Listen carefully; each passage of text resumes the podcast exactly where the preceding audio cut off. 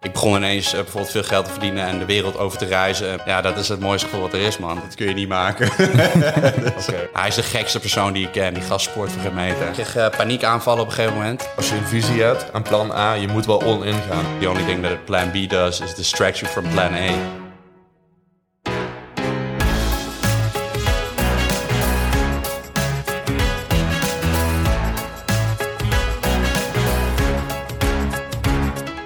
Hey beste luisteraar en welkom bij Young Ones, de podcast waarin ik jou meeneem langs de inspirerende verhalen van jonge ondernemers.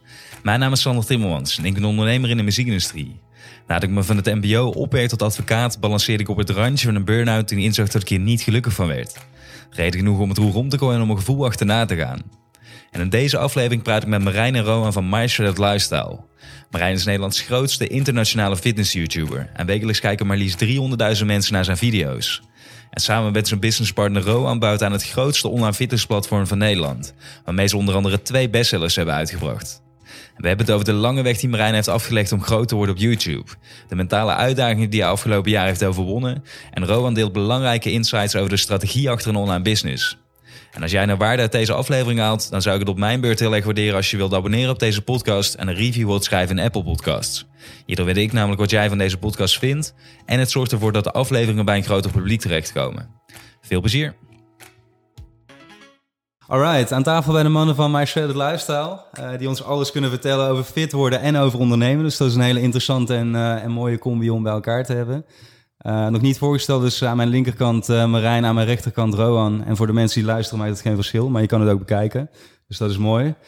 Uh, ik moet eerlijk bekennen, mannen, dat ik vanochtend een iets strakke t-shirtje aan heb getrokken. Want ik dacht, ik kom hier bij twee uh, beesten aan tafel. Dus, dus dat meteen even met de billen bloot.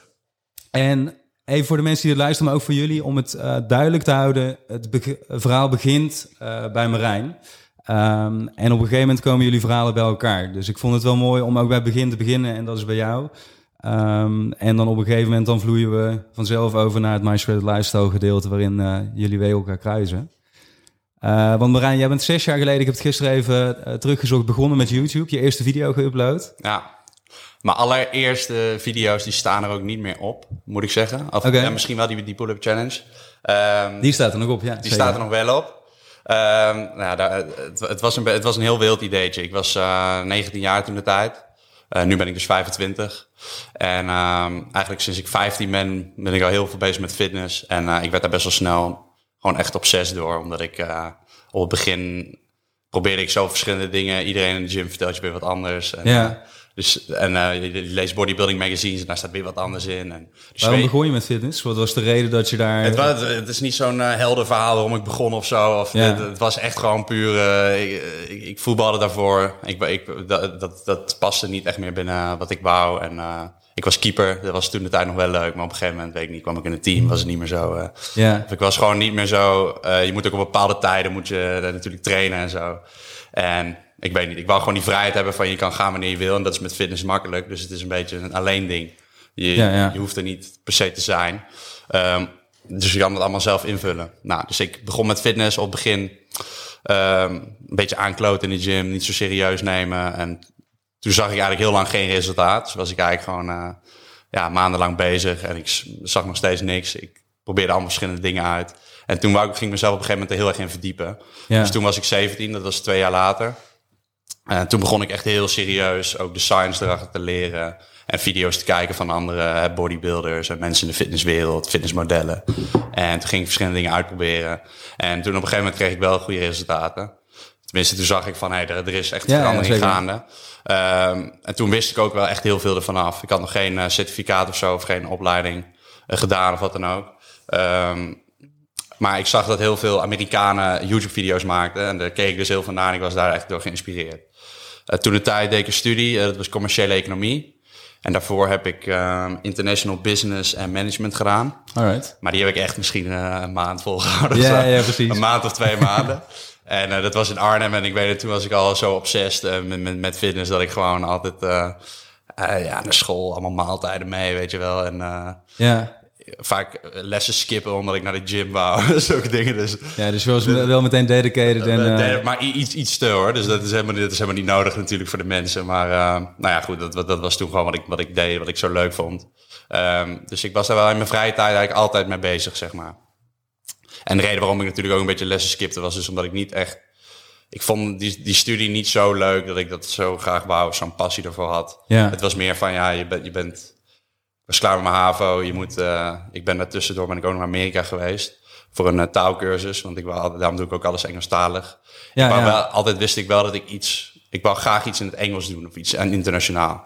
Ehm, maar goed, na die HAVO, ja, je moet, eh, hey, het wordt van je verwacht dat je gaat studeren en dat je dat pad gaat bewandelen. Nou, ik wist dus niet zo goed wat ik wou, dus toen dacht ik, ja, iets met business. Want ik wou wel altijd mijn eigen bedrijf hebben, Ja, zeg ja. maar, sinds ik jong was.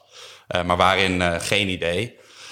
Dus toen, eh, ja, de, commerciële economie deed ik toen in Nijmegen. En dat was een beetje hetzelfde verhaal. Ehm, beetje slacken op school. Een beetje zorgen dat ik net, net, net hoog genoeg eh, punt kreeg om over te gaan en zo. En, eh, ik had er best wel moeite mee. Niet omdat ik, ik... Het was niet dat ik zoveel tijd in stopte, maar ik had gewoon moeite om te gaan zitten en het te gaan... Het was Ja, gewoon niet, te focussen of zo, ja. het gewoon niet echt mijn, mijn ding was. Bepaalde dingen was ik wel goed in. Bijvoorbeeld presentaties op school en zulke dingen. Dat vond ik dan wel weer leuk. Maar echt gewoon meer de praktische dingen. Echt dingen doen, zeg maar. En eh, ja, toen kwam het hele social media gebeuren wat ik zag. En op school leerden wij een beetje over m- ja, blog schrijven en zo. Ja. Maar dit is, dat was, dat, dat zie je dat die studie een beetje, die loopt een beetje achter. Ja, er, er dus, moeten boeken gemaakt worden. Dus dat is best wel logisch. Het is niet heel erg up-to-date. Dus ondertussen was vloggen meer, dat was echt aan in die tijd. Tenminste, dat zag ik. Ik zag die hele markt. En toen zag ik dat daar best wel een gat in de markt lag. Want ten eerste, in Nederland waren er dan niet echt mensen die dat deden op fitnessgebied. Ehm, maar wat ik zag was dat heel veel van die Amerikanen en, en mensen in Engeland... dat die heel erg gefocust waren op wedstrijden doen en echt bodybuilding. Dus echt van die grote gasten, weet je wel. Ja. Ehm, een heel ander lichaam dan dat ik had. Het was meer atletisch, afgetraind. Eh, dat is meer waar ik heen wou. Ehm, en ook natuurlijk trainen. Want dat waren echt bodybuilders die gebruikten steroïden, et cetera. Ja. Dus ik wou gewoon een natuurlijk lichaam. Ehm, en nog steeds wou ik eh, feesten en een studentenleven leven. Want ik was, ik was, eh, ik was toen de tijd eh, 19 jaar. Dus ik dacht, hé, dat is een gat in de markt. Want dat doet eigenlijk nog niemand. Zo had je er daadwerkelijk ook meteen over nagedacht. Dus wat, Ja. niet dat het per ongeluk zo op die manier Nee, bij nee, elkaar nee, dat was Ja, wel, zo had ik er wel echt over nagedacht. Alright. En, ehm, dus ik dacht wel echt van ja, eh, ik, ik ben een van die jonge gasten die dit gaat doen. En ik zag dat hele idee voor, maar het leek ook een beetje eh, een soort van ja, je- hè, als je into business bent en zo ga je altijd. eh, sinds ik jong ben heb ik altijd al van die beetje gekke ideeën gehad. Ik was eerst een beetje verslaafd aan gamen, toen wou ik daar een business in beginnen. Eh, Ja. Ook mijn eigen website gebouwd en zo met RuneScape, private server. En toen heb ik eh, een, ma- een maat van mij, die eh, Pim de Witte, die heeft eh, een hele succesvolle private server gestart. En eh, die was echt gewoon miljonair toen we nog op de HAVO zaten. Zo, en toen heb ik ook voor hem gewerkt toen ik 17 was. Dus dat heeft mij ook wel geïnspireerd, zeg maar. Dat ik zag van wat er allemaal mogelijk was op het internet, zeg Ja. maar. Want hij deed dat ook gewoon van zijn zolderkamertje thuis of zo, of in de basement. Wat Eh, was zat je- hij te coderen en zo. En eh, ik zag dat en ik dacht van, holy shit, die gast is 16 of zo. En, Ja, je, je Eh, raakt dus- geïnspireerd door dus hem, ik denk vanaf jonge ja. leeftijd had ik al wel zoiets van... er zijn heel veel mogelijkheden als je een beetje out of the box denkt. En ja, dus echt met, met, met iets nieuws komt. Of iets bestaans Ja, ja. anders eh, maakt. Want dat is vaak wat je doet. En dat is wat ik dus ook deed. Want het concept van vloggen en, en zo, dat bestond, dat, dat was allemaal... Hè? Tuurlijk, ja. Alleen het unieke concept is dan dat ik daar een, twist aan geef en liet zien van hoe kun je dat doen in je studententijd. Dus ik ging bijvoorbeeld video's maken met tips van eh, hoe kun je alcohol drinken en nog steeds afvallen. En dan dat op wetenschappelijke wijze, want dat is allemaal mogelijk. Ehm, en dat, Hoe, hoe reageerde je omgeving erop dat je daarmee begon? Want fitness waren ze natuurlijk al wel van je gewend. Je zei al van ja, ik was wel die guy die altijd gaat presenteren. Dus dan neem ik aan dat je niet super verlegen was of zo. Nee, ik presenteren, dat was op school, zeg maar. Ik, ik was daar wel, wel goed in. Ik had ook een maatje van me, die is ook gestopt met de, met de studie. En die is heel succesvol geworden in sales. Dat is ook wel leuk. Oké, ja. Dus die was beetje op hetzelfde moment was hij, was hij drop-out eh, geworden. Want ik ben gestopt met mijn studie uiteindelijk. Precies, ja.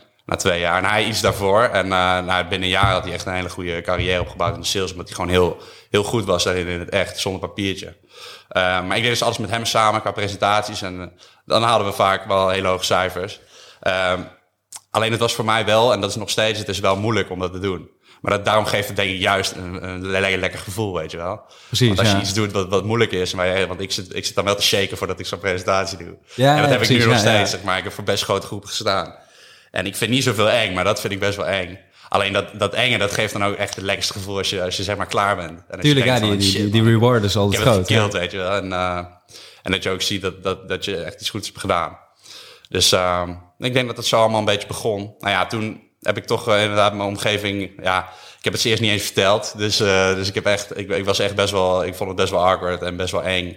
En ik kan me dat nu bijna niet meer voorstellen. Maar er zijn vast andere mensen die dat ook hebben. En in die tijd was vloggen nog veel minder ehm, normaal. Nu is het best wel normaal geworden. Ja. Maar goed, dit is zes jaar geleden. Dus echt in, in Nijmegen de- deed niemand dat. Ehm, dus het was best wel eng om gewoon die eerste video te posten. Of om überhaupt uit te spreken van ik heb, het idee, ik heb dit idee en dit wil, Tuurlijk, ik, ja. dit wil ik gaan doen. Dat durfde ik eigenlijk niet eens. Dus ik ben het gewoon zelf gaan doen. En toen heb ik gewoon een video geüpload, of twee of drie. Niemand wist ervan. niemand het Ja. wist. ik dacht, eh, ja, ik dacht, ik dacht dit, is wel grappig. Mijn denkwijze was letterlijk van ja, als ik nou gewoon wat views heb, dan lijkt het een beetje alsof ik iets doe. En dan Ja, kan ik het gaan vertellen. Dus eh, heel, heel bang of zo. Heel, heel eh, awkward daarin, zeg maar. Niet echt... ehm, ja, ik, was zo, ik ben altijd een beetje een introvert persoon geweest. Dus ik ben ook niet...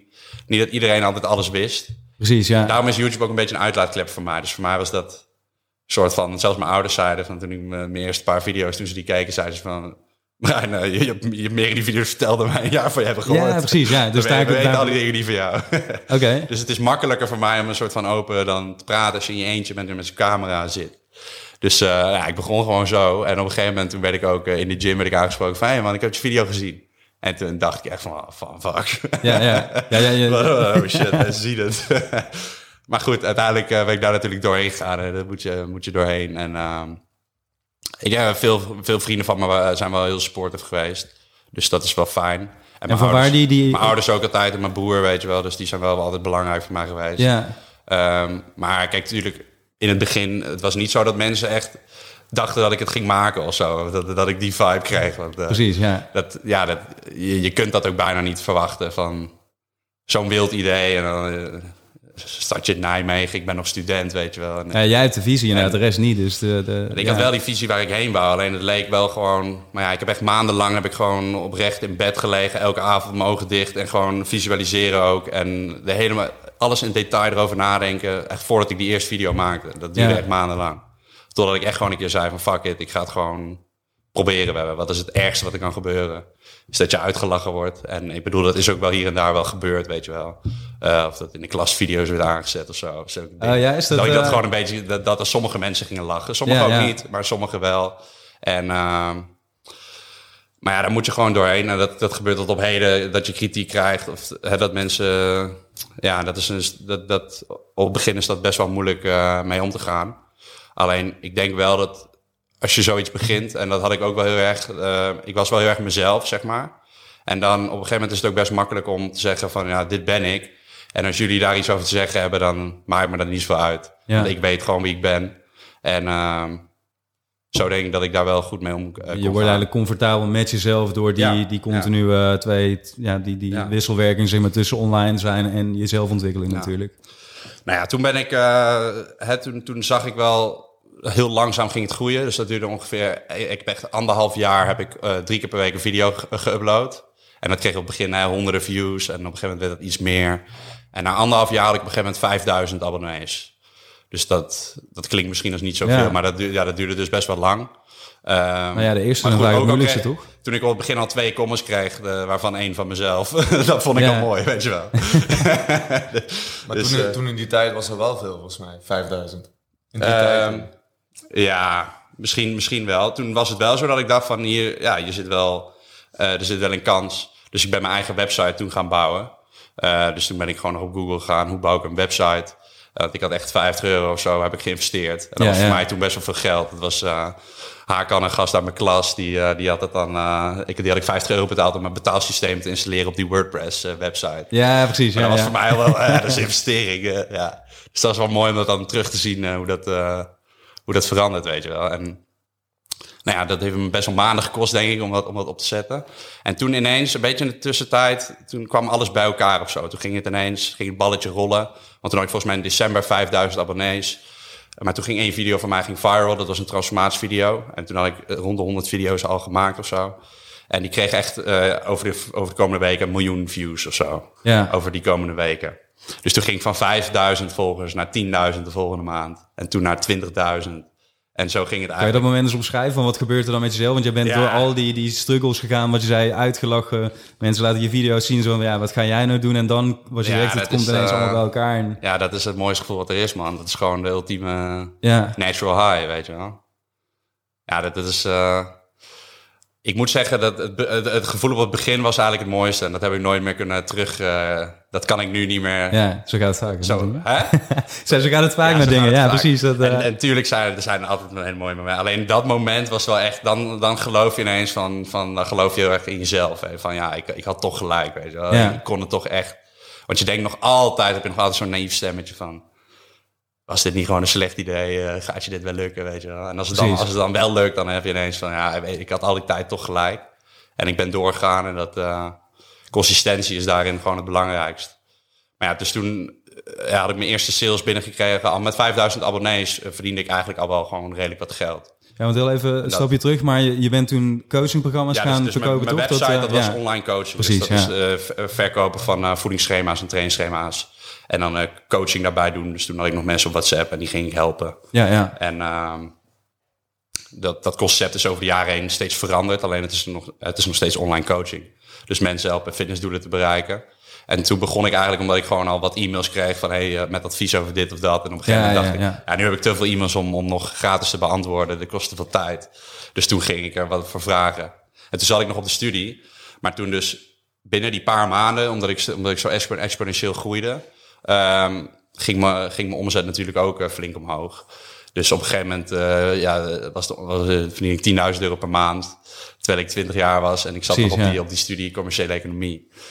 En toen heb ik eigenlijk besloten van ja, nu, eh, nu stop ik met de studie en ga ik hier echt fulltime op zitten. ja. Want ik deed ook nog alles zelf. Dus eh, ik kwam zelf mee. Ik ging zelf dingen onderzoeken over e-mail marketing en hoe doe ik dit en sales. En, eh, en ik moet zeggen dat ik op die studie, eh, het is commerciële economie, maar ik heb daar niet zo, ik had daar ook niet zoveel uitgehaald of zo. eh Praktijk was wat, belangrijk. real-time, zeg maar, eh, op social media ook echt werkte. Want dat is weer net een andere game, zeg maar.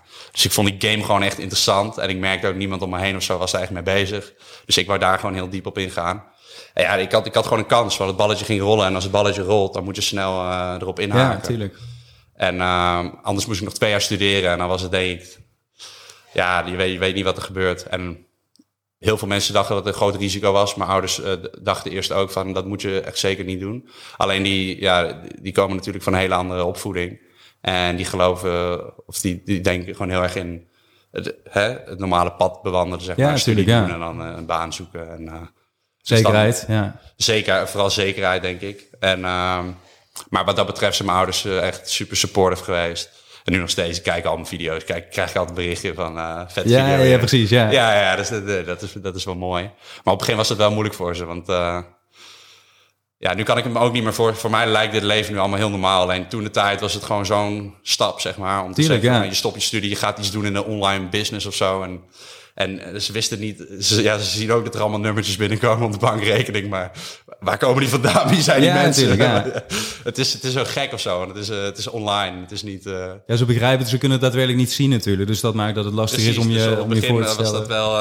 maar goed, ik heb alles uitgelegd en dit en dat. En ondertussen snappen ze ook alles hoe het werkt en zo. Dus dat is wel leuk. Weet je wat mij heel goed, sorry dat je onderbreekt, maar weet je wat mij heel goed bijstaat? was de video waarin jij vertelt dat je dus ook eh, stopt, gestopt bent met school. Ja, En eh, ik heb die ook nog even teruggekeken voor dit interview. En dat raad ik mensen die het luisteren ook aan om te doen. Want je ziet daar daadwerkelijk in jouw blik en in je ogen dat je eh, weet dat het gaat gebeuren of zo. Ja. Die, die vastberadenheid en die overtuiging waarmee je daar zegt van... hé, hey, ik heb deze keuze gemaakt en nu gaat het gebeuren. Dat is denk ik ook het gevoel als je dat kan pakken in je ondernemerschap. We komen zo natuurlijk ook bij jou, Rowan. Maar ik denk dat jij dat misschien kan beamen dat je op het duur zo'n gevoel krijgt van... hé, nu gaat het balletje rollen inderdaad en nu ben ik er klaar voor. ja. Uh, ik vind dat een heel mooi moment, want dat, dat maakt het gewoon in- inderdaad inzichtelijk Ja. hoe iemand dan is en hoe, de, hoe die zich gedraagt. ja nee, die, eh, die video heb ik opgenomen echt de, de, de dag dat ik eh, die studie was gestopt. Ja, Dus dat is wel een, eh, dat is wel een fucking mooie video voor mij. Dat is ook altijd wel een... eh, het is vet dat ik ook alles vastleg, want dan... Ik zie mijn jongen zelf, zeg maar, weer terug. En dan denk ik van, van holy shit, gast. ja natuurlijk, ja. Dit is gewoon, eh, het is gewoon hard dat je doet wat je wou doen. En sommige dingen lopen natuurlijk anders dan dat ik vroeger dacht of zo. Of, eh, maar het is wel leuk om dat altijd terug te zien. En ja, die dag was wel... eh, ja, dat was echt, echt spannend, man. Maar ik weet nog hoeveel excitement ik ook had. Want ik wist van nu ga ik al in. En er is ook geen, dat zeg ik ook in die video. Hè, uh, dat, dat is een saying van Will Smith. En dat is um, van you, you don't need a plan B because the only thing that a plan B does is distract you from plan A. En dat was eigenlijk mijn gedachtegang. Je hebt een plan A, die wil je uitvoeren. Maar als je altijd een plan B hebt, zo'n backup plan van ik blijf die studie achter de hand houden. En natuurlijk uh, verdiende ik al geld. Hè. Ik zeg niet dat mensen zomaar een studie moeten stoppen. Omdat ze, ja, ja, ja. Mensen moeten niet zomaar een studie stoppen omdat ze een ideetje hebben. Dat heb ik ook niet gedaan. Ik deed wel pas toen ik genoeg geld verdiende. En dan, dan vind ik de logische stap om dan te zeggen, nu ga ik al in. En dan natuurlijk neem je het risico nog steeds, want het kan nog steeds fout gaan. Alleen dan weet je al wel wat de mogelijkheden zijn en je Tuurlijk, bent al ergens. Uh, dus ik, ik wou gewoon full focus op plan A en dat, dat ben ik toen gaan doen. Precies, dat is Dus gelukt. toen, nou ja, toen heette ik Student Aesthetics. En dat is eigenlijk omdat ik een student was. En ik liet zien uh, hoe studenten in shape kunnen komen en zulke dingen. Maar op een gegeven moment was ik geen student meer natuurlijk. Hè. ik ben gestopt met mijn studie. Ja, ja, precies. dus mijn naam ging heel langzaam ook wat minder sens maken. En ik kreeg ook een, iets meer een, een langzaam meer een flashy lifestyle. Heel veel reizen en dure etentjes en zo. En niet, daarvoor was het heel erg studentvoedsel, weet je wel. Tonijn in blik. En, maar dat was gewoon mijn levensstijl op een gegeven moment niet meer. Het werd meer een beetje ja, heel, echt heel veel reizen en best wel fancy shit ook. Ja. En dus dat hele studentaspect, dat ging ook een beetje weg. En af en toe laat ik dat, liet ik dat ook nog wel weer terugkomen, weet je wel. Want eigenlijk ben ik gewoon een hele normale gast die gewoon wel hier en daar wat fancy shit doet. Alleen daarnaast ben ik toch, als ik thuis ben, eet ik nog steeds graag mijn tonijnblik. Ja, ja, Weet je wel? ja, ja, Dus, ja. eh, Dus ik hou van allebei de dingen. Ik hou van allebei de dingen. Uh, maar op een gegeven moment word je toch vrij bevriend met mensen en je komt in bepaalde cirkels terecht. Dus mijn levensstijl werd gewoon een beetje anders. En ik dacht ook meer aan de toekomst, van waar wil ik heen?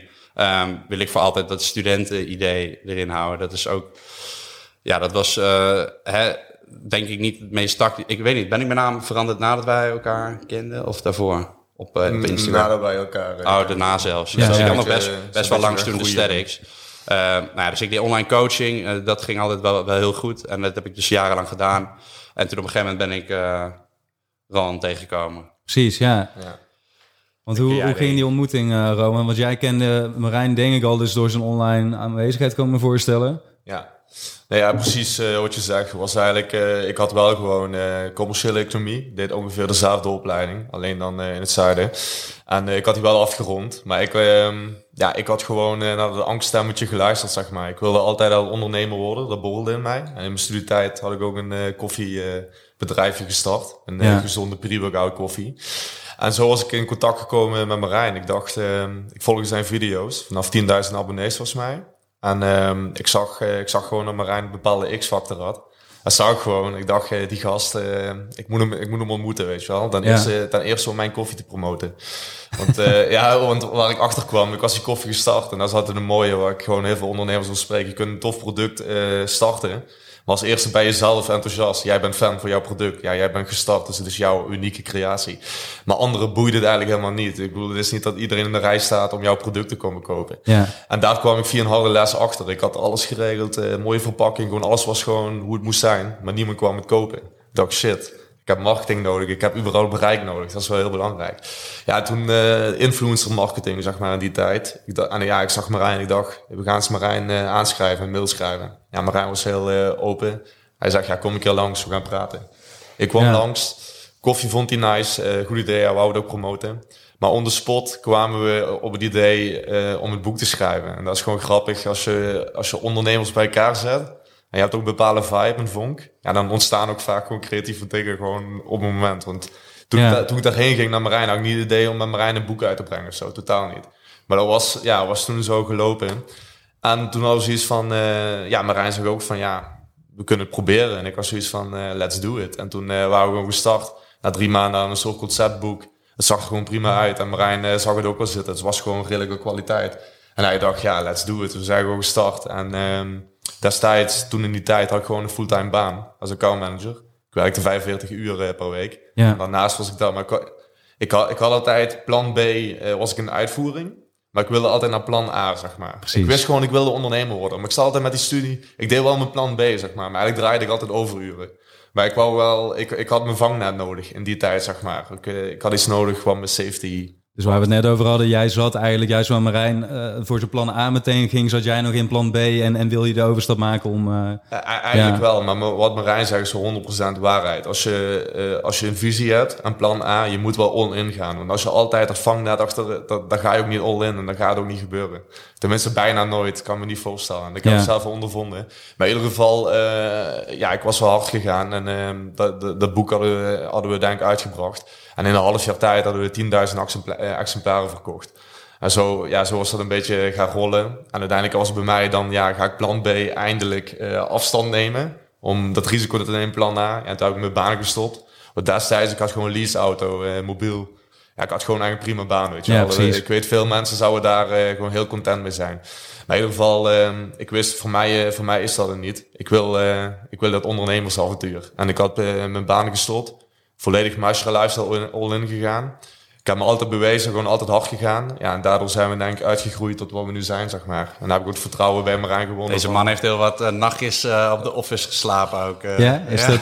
precies. Ik kijk van het boek, ja. Ja, ik heb zelfs gewoon af en toe op kantoor geslapen, weet je wel. Hoe, ik heb natuurlijk, ik heb, een, ik heb het grootste deel van het boek geschreven. Um, alleen ja, dat is gewoon tekst in een Word-bestand, snap je? Voor mij. Uh, dus, dus, zo heb ik het gedaan. En vervolgens heb ik dat, en toen hadden we nog een businesspartner en Rohan, uh, heb ik dat naar hun opgestuurd. En uh, die hebben er wat van gemaakt, zeg maar. Want een boek schrijven, daar komt zoveel bij kijken. Dus het was nooit echt per se mijn idee om dat dan zelf te doen. Totdat zij met zo'n fucking vet concept kwamen. Waarin er waren al foto's in en een soort uh, concepttekst ja, en zo. Precies, dat, het, dat het al leek alsof het een boek was, dat ik het al in mijn hand had. Dus deze man is ook heel goed in sales natuurlijk. Wat ik net even zeggen, want uh, wat ik belangrijk vind hieraan is... want jij zit op het duur van... nee, ik heb de stoute schoenen aangetrokken, ben naar Marijn gegaan... eigenlijk voor een ander idee, maar op het duur komt dit idee dan op... Uh, maar dan moet je het idee ook nog eens in zijn hoofd krijgen eigenlijk ja, om dus, dat ja, tot werkelijkheid te brengen. idee wel goed gepist doen. Ja. ja, maar Ik, ben, ik, ben, ik ben ook wel, ik ben wel een vrij goede salesman. Zeg maar. ja.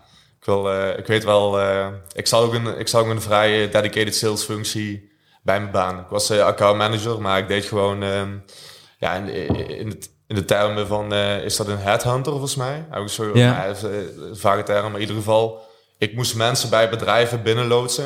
En het ging vaak om deals van 10.000, 20.000 euro per, uh, per sale, zeg maar. En ik deed 35 sales, 50 sales op een jaar.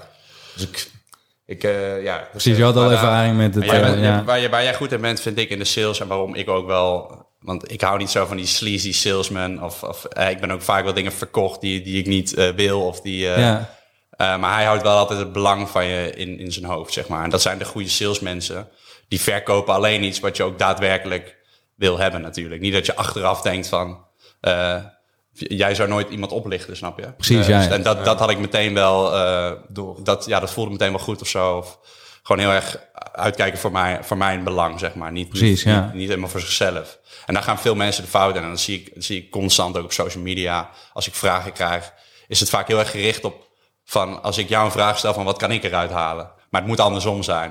Ja, Jij moet iemand anders waarde bieden en dan misschien je krijg je daar ooit iets voor terug. En veel mensen snappen dat concept niet helemaal. En dat heb jij heel goed uh, door, denk ik. Dus dat, ja. Precies, dus voor mensen die het luisteren, denken inderdaad na, over het belang van de anderen voordat je alleen maar vanuit je eigen belang redeneert en, uh, en daar iets uithaalt. Ja. Met name als je iets wil van de anderen, zeg maar. Ja, natuurlijk. Waar ja. de ander niet per se iets voor jou nodig heeft. En je moet goede dingen doen voor andere mensen en dan komt het vanzelf, uh, vanzelf naar je terug. Nou, maar in die end doe je natuurlijk inderdaad altijd iets eerst voor een ander. Net zoals jullie met jullie coaching. Ja, ook al wil je zelf een business beginnen. Ja, de business is iets wat je voor een ander doet. Dus ja. Dat, uh, maar het, het boek was dus de eerste stap van My Shredder Lifestyle. Dit is ook het moment waarop jullie wegen dus bij elkaar komen. Maar aan jouw kanaal ging supergoed.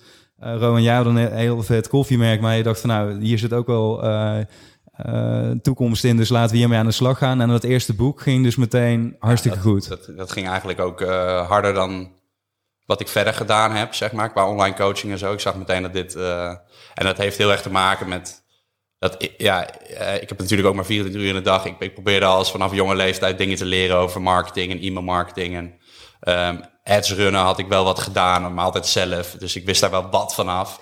Maar je kan niet overal goed in zijn. Tuurlijk, en, ja. Dus ik ben meer goed in de front-end dingen. En het gezicht en uh, die creatieve ideeën en zulke dingen. Alleen Ron is heel goed in, in de back-end. Dus, dus um, als we eenmaal een service hebben of een product...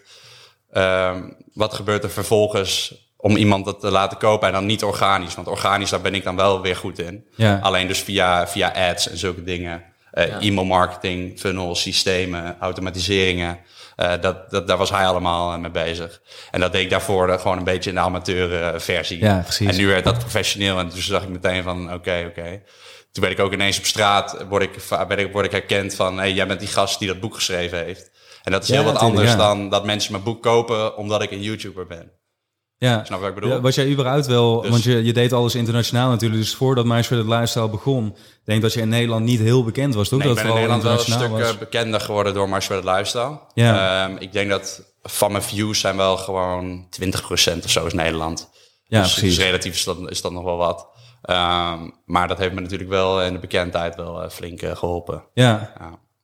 En dus inderdaad, wat je zegt, die synergie tussen jullie twee, want bij jou, als ik het goed begrijp, uh, naast dat vloggen natuurlijk heel leuk is en wat je zegt, je hebt een soort registratie van je dag, is het natuurlijk ook een, een marketingmiddel om mensen met jou in aanraking te brengen en dat vertrouwen te creëren. Dat ze denken van, hé, hey, toffe gast die Marijn en hoe hij het doet, dat wil ik ook. Dus dan, zo is bij mij trouwens ook. Ik heb ook ooit een trainingsschema bijvoorbeeld van je gekocht. Oké. Okay, Omdat ik dacht van, nee, ja, nice. chill, chille manier om op die manier in plaats van wat je zegt door een sleazy sales uh, Ja. ad die ineens voorbij komt terwijl je iemand nog helemaal niet kent. Nee, plus, ja, plus je hoeft niks van mij te kopen. Dus je kan ook gewoon... Ik heb, ik heb genoeg abonnees die zouden zullen nooit iets van me kopen, weet je. Ja. En Dat is prima. Dan hebben ze gratis info. En ik help ze alsnog. Dus het is gewoon... Het is altijd een win situatie. Ja, En je spreekt alleen de mensen aan die ook daadwerkelijk... Eigenlijk met video's geef je ze ook een beetje een voorproefje. Hè? Dus ik laat al bepaalde trainingen zien of bepaalde diëten of resultaten van cliënten. En als mensen dat dan zien en denken, hé, hey, dat wil ik ook. Uh, dan kunnen ze beslissen om uh, iets, van, iets van me te kopen. En uh, om met me samen te werken. Maar zo niet, dan is het ook prima. ja, dus je hebt al een paar van die contactpunten ge gehad op een organische manier, zoals Ja. je net zegt. En dan kom jij into je- play op het moment dat je dan inderdaad ook nog door wil, uh, het verder wil uitbouwen. Dan wordt er Ja. dus in de backend een systeem, als ik het goed begrijp, wat daaraan, uh, daaraan bij gaat dragen. Kan je daar eens iets over, uh, maak het niet te gedetailleerd alsjeblieft, want dan verliezen we onszelf misschien in allerlei details. Maar kan je eens kort een omschrijving geven van wanneer jouw aandeel dan into play komt en hoe dat gaat? Nou ja, 100%. Kijk, uh, veel influencers die zijn kansrijk. En die hebben gewoon een miljoen volgers of gewoon heel veel volgers. Maar het probleem uiteindelijk komt van um, hoe kun je dat vertalen in een business en hoe kun je dat monetizen. En dat is uiteindelijk ja, hoe ik ook met Marijn in aanraking mee komen. We hadden Martial Lifestyle, maar hij zag al, hey, dat gaat vet goed. En uiteindelijk is het ook gewoon, hij, is, hij moet gewoon vloggen. Hij is gewoon de frontend. Hij moet gewoon zijn ding doen. En daarachter moet hij gewoon een persoon hebben of meerdere personen die de rest uh, regelen, zeg maar. En wat doe ik bijvoorbeeld? Hij kan zorgen voor heel veel organische traffic naar je website.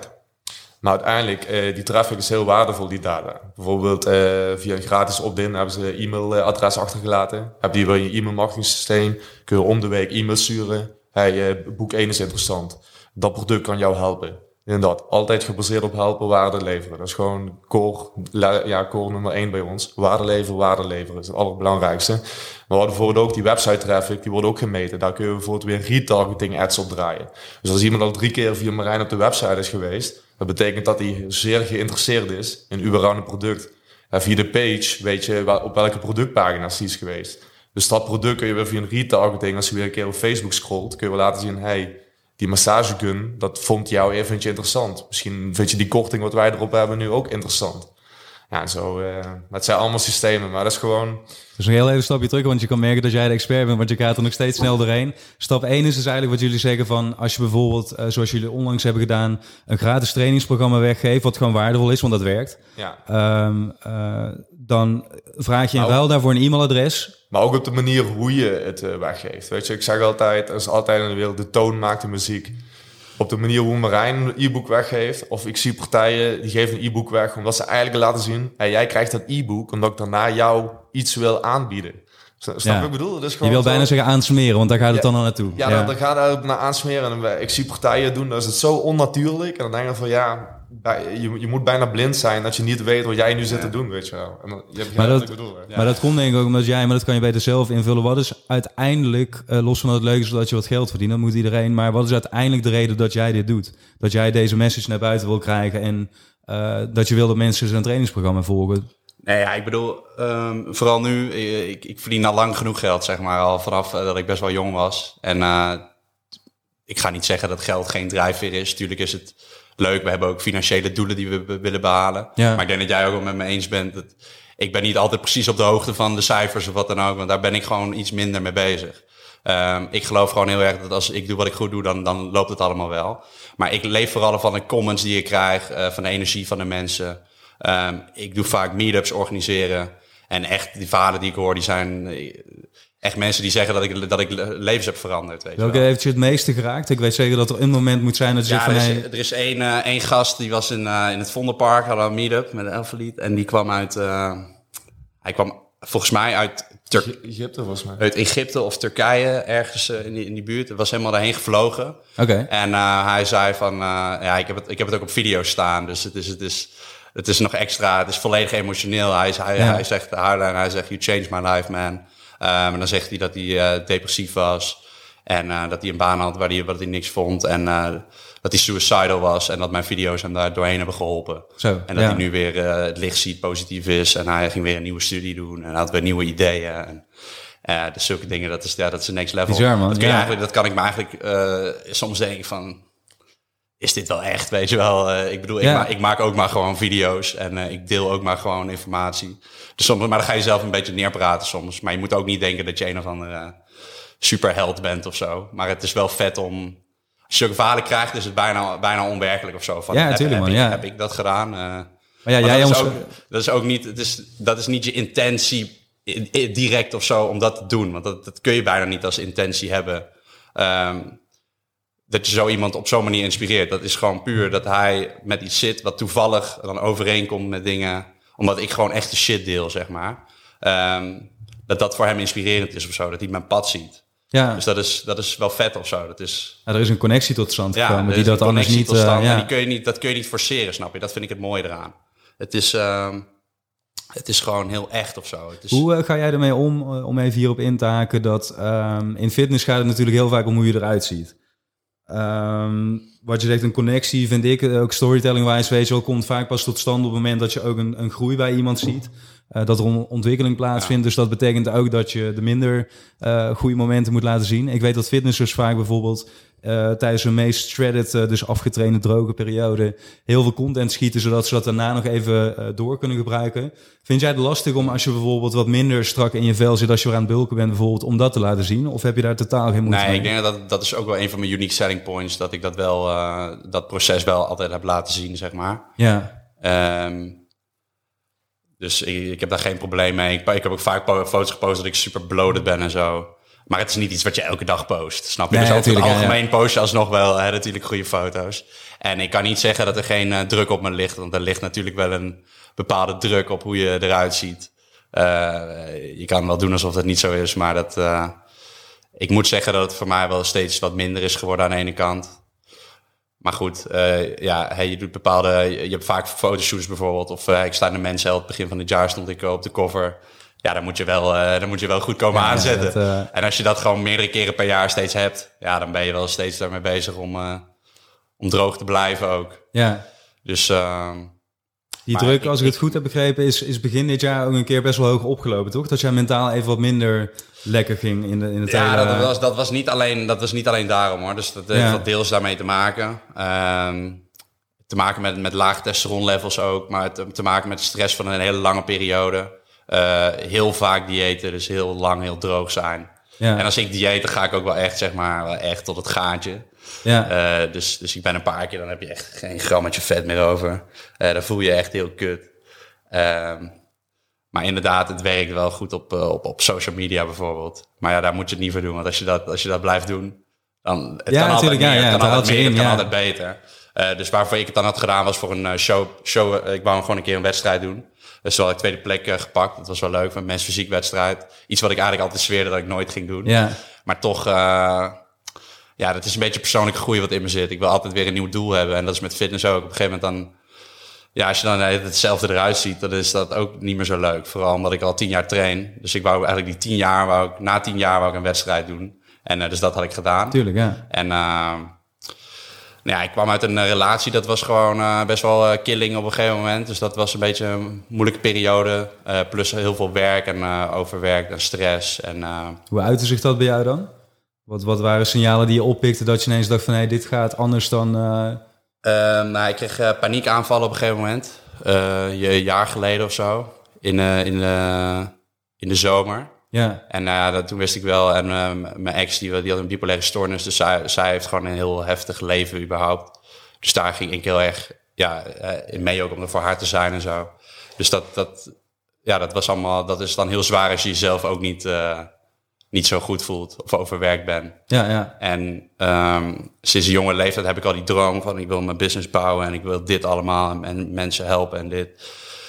En um, dan zit er ook een bepaalde druk op je. Als ik één dag niks doe, dan heb ik al uh, vaak het gevoel. En uh, dat, dat, nu kan ik er allemaal veel beter mee omgaan. Maar toen de tijd van, uh, van, van, van ego zo, niet goed ja. genoeg, weet je wel. Of, of als één keer de views wat slechter gaan, van, dan ga je heel erg druk maken. En dat, dat, dat stapelt zich allemaal op. Als je je al slecht voelt, dan ga je vaak heel veel druk maken om dingen. Ja, dus toen had ik een beetje door van, nou, volgens mij komt een beetje depressieachtig uh, komt eraan. Ik heb geen depressie gehad of zo, maar ja, wel, ik heb wel burn-out klachten gehad, zeg maar. Of depressieve klachten. Je kan het allemaal niet in een, ja, in een woord niet, benamen, maar... Uh, mentale klachten waaraan je merkt van, nee, het gaat niet mentaal zo... Mentaal was ik niet, ja. niet, niet zo cool, zeg maar. Dus daar heb ik wel even tijd mee gestruggeld. Ja, ik denk dat ik toen die showprep ging doen en toen nog die mensheld daarna. En dat ik daarna gewoon even helemaal opgebrand was, zeg maar. En in die tijd, dan ben je vol aan het diëten, dan ben je echt super droog. En maar tegelijkertijd doe je ook nog al je andere shit. Dus je moet ook nog, uh, je werkt met je team samen, je zorgt dat het bedrijf goed loopt. Uh, ja. Je moet uh, nog steeds video, YouTube-video's blijven maken, weet je wel. Kwam er ook meer druk op jou Ja, dan, Rowan, in die periode? Mer- wat merkte je aan hem dan ook? Want dat verandert natuurlijk de, de dynamiek wel een beetje in hoe alles... Uh, ik kan me voorstellen dat jij misschien ook een wat meer leading rol even op je kon nemen om hem wat te ontzorgen of zo? Of is dat toch anders gegaan? Ja, dat sowieso wel. ik, ik had wel het idee uh, dat er iets gaande was, zeg maar. Maar ik, uh, ik wist niet precies uh, wat er ik heb, ook, ik heb ook wel, ik heb best lang dingen voor mezelf gehouden, zeg maar. Van, ja, Ja. gastje moet je niet zo aanstellen, weet je. Gewoon even door, doorknallen. Uh, Ja, het was, niet, zo. het, het was niet dat hij me opbelde en ineens... Ja, Rowan, ik zit met al Nee, deze problemen, nee. weet je wel. Ja. Zo, eh, zo is die gegaan. En in principe hoeft dat ook niet, weet je wel. Ehm, maar in principe, ja, eh, ik, ik had al wat dingen door. Maar goed, ja, uiteindelijk is ook eh, vaak in het leven... Soms zijn er dingen die moet je zelf uitvechten, weet je wel. Dus gewoon soms, ja, sommige dingen dat, en dat zal bijna iedereen meemaken. Die moet je zelf ervaren en dan moet je ook zelf uitkomen. Is, ja, ik kan op dat moment ook niet veel doen. Maar we Ja. hebben het er niet uitgebreid over gehad. Maar sowieso qua business, ehm, ja, schouders eronder en, eh, en, en doorknallen. En zo zijn er de business altijd, of in de, in de laatste drie jaar, ook wel andere negatieve dingen gebeurd. En eh, daar kan niet te veel over uitweiden. Maar alle tijden schouders door, plan A, dat is het doel. En, Ja. gewoon, eh, en gewoon doorgaan. zeg Ja, maar. dus als de, als de een wat minder gaat, dan eh, doet de ander het wel, weet je wel. Dus Ja, maar dat hebben wij wel, wel zeg maar. Ja, dus eh, ja. als ja, zij wat minder gaat, dan is het van, ehm, dan is het eigenlijk, ik ga niet op hem zeiken, maar ik ga nog eens ti- ti- tien keer harder, weet je wel. En zoals de andere keren ook wel. Dus bijvoorbeeld eh, met Emian, het eerste course, dan gaat hij in één keer super hard. En dan zie ik, en dan trekken we elkaar ook wel een beetje omhoog. Ja, ja. Maar het is gewoon, we, we, we, gri- we grinden allebei. Maar het is niet dat we elkaar zitten op te bij, hey, zie je mij, zie je mij strijden, weet je wel. Zie je, mij- zie je mij Nee, nee, Nee, het nee, is tuurlijk. meer- Nee. Het is gewoon, Maar ja, kijk, achteraf eh, met zulke dingen had ik best wel wat eerder eh, tegen mensen kunnen vertellen natuurlijk. Ja, ja. Dat heeft me uiteindelijk ook wel geholpen hoor. Ehm, maar ik denk eh, op het begin, eh, dat heeft denk ik, ik weet niet hoe jij dat had eh, ervaren toen jij, eh, want je hebt een burn-out gehad, zei je toch? Of Ja, ja, ja, ook er tegenaan gezeten. Maar het was in ieder geval wel op het punt inderdaad van paniekaanval. heb je dergelijke. lang eh, voor jezelf gehouden of ging je meteen tegen iemand zeggen van, want dat zoiets bouwt zich op hè? Of, Ja, nee, zeker. Want nee, ik dacht de eerste keer dat ik een hartaanval kreeg. Dus dat kon ik niet voor mezelf houden. de- want eh, toen, toen moest ik gaan bellen Shit, natuurlijk. shit. Maar daarna heb ik allerlei onderzoeken laten doen bij de, bij de dokter. En dan kom je erachter dat er niks fysiek met je aan de hand is. Ja, dan kom je bij mentaal uit. Nou, Maar dat punt om dat te accepteren, inderdaad. ik natuurlijk bij best wel eh, grote advocatenkantoren. Waarin de Ja. mentaliteit ook gewoon is van nee, gewoon hard gaan en eh, eh, niet te veel zeiken. Dan om dat te kunnen vertellen, dat, dat duurt wel even inderdaad. En dan in het begin ga je het op allerlei andere plekken zoeken. Behalve op die plek waar het echt zit natuurlijk. ja, ja. Maar ik moet wel zeggen dat ik ken natuurlijk een hele hoop mensen die nog nooit dat soort klachten hebben gehad. En inmiddels ook wel een aantal die dat wel hebben gehad. Dat ik persoonlijk heel blij ben dat ik het toen al heb gehad. Mm. Omdat je gewoon steeds meer mensen hoort die hiermee te maken hebben. ja. En ik zeg zelf ook wel eens vaak van de skills die wij in deze tijd nodig hebben. Jij zegt net al met social media, de druk die er eh, vanuit kan ontstaan. Eh, iedereen krijgt op het duur met die moderne wereld te maken. Want of je nou wil of niet, overal Ja. speelt marketing, overal speelt social media, ook in persoonlijke levens. Ook Ja. wat elke dag via dat scherm tot je komt. Ja. En de skills om daarmee om te gaan, worden ineens pijnlijk duidelijk op het moment dat je eh, zo'n ervaring krijgt. Want dan word je ineens bewust van wat je elke dag doet en hoe je je leven hebt ingericht, wat je anders zou kunnen doen. Dus ehm, lang verhaal kort. In het begin vond ik het heel lastig, maar nu vind ik het heel makkelijk om erover te praten. En zelfs juist fijn om uh, mensen die nog niet op dat punt zijn, maar wel zeggen van hé, ik merk al dat er dingen misgaan. Upfront zeg maar te kunnen helpen met van hé, misschien moet je het hier en daar zien gaan zoeken. Niet belerend, want dat werkt natuurlijk niet. Maar misschien wel wat kleine tips. Net zoals jij bijvoorbeeld op het gebied van fitness uh, voornamelijk hebt gedaan. Maar ook op dit gebied heb je je natuurlijk gewoon opengesteld. En ben je er op het duur ook naar je hele following open over geweest. Omdat dat gewoon een hoop ellende kan besparen. En uh, dat is hetzelfde met leren trainen, zeg maar. Je, je mind leren verzorgen is ook gewoon een, een uh, vaardigheid op zich, zeg maar. Ja. Uh, waar je gewoon kennis in moet vergaren en, en moet oefenen en kijken van... hé, wat werkt voor mij wel en wat werkt niet. Ah, ja, dus, ik, heb, ik, ik, ik, heb lang gewoon gefocust op fysiek trainen, weet je wel. Op, ja. maar niet op mentaal. Helemaal niks eigenlijk. Gewoon nooit mee bezig ja. geweest. Nooit met mezelf bezig geweest of zo. Altijd met andere mensen. En nooit echt in mezelf gekeken ook of zo. Of uh, wat zijn mijn struggles nu eigenlijk? Altijd maar een beetje weggestopt. Ja, ja. En gewoon maar weer vlammen. En dan, dus ik denk dat dat een beetje samenkwam op een gegeven moment. Precies. Weet, weet je waar dat en, vandaan komt? Want aan de ene kant zeg je... Ik hoor soms een beetje contrasten zeggen van bijvoorbeeld ja. presentaties doen. kreeg een kick van, maar was ik wel erg zenuwachtig voor. Mm. In een camera praten vind ik dan weer heel makkelijk. Maar op het moment dat iemand op straat aanspreekt daarover... vind ik het in het begin in ieder geval dan wel weer spannend en zo. Mm. Dus daar zit wel continu een beetje een wisselwerking tussen en heel publiek zijn en daar juist heel veel kracht uit halen. Ja. En soms dat dat dan net. Uh... Uh, ik denk, publiek is gewoon voor mij wat minder eng, denk ik, om dingen.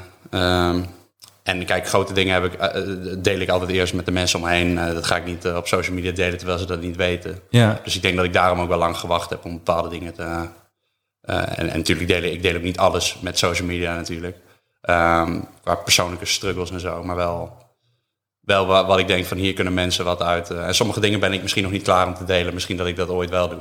Ja, ja. Weet je wel. Um, maar mijn naasten weten verder gewoon alles. Uh, daar ben ik, maar dat heb ik echt geleerd om daar open over te zijn.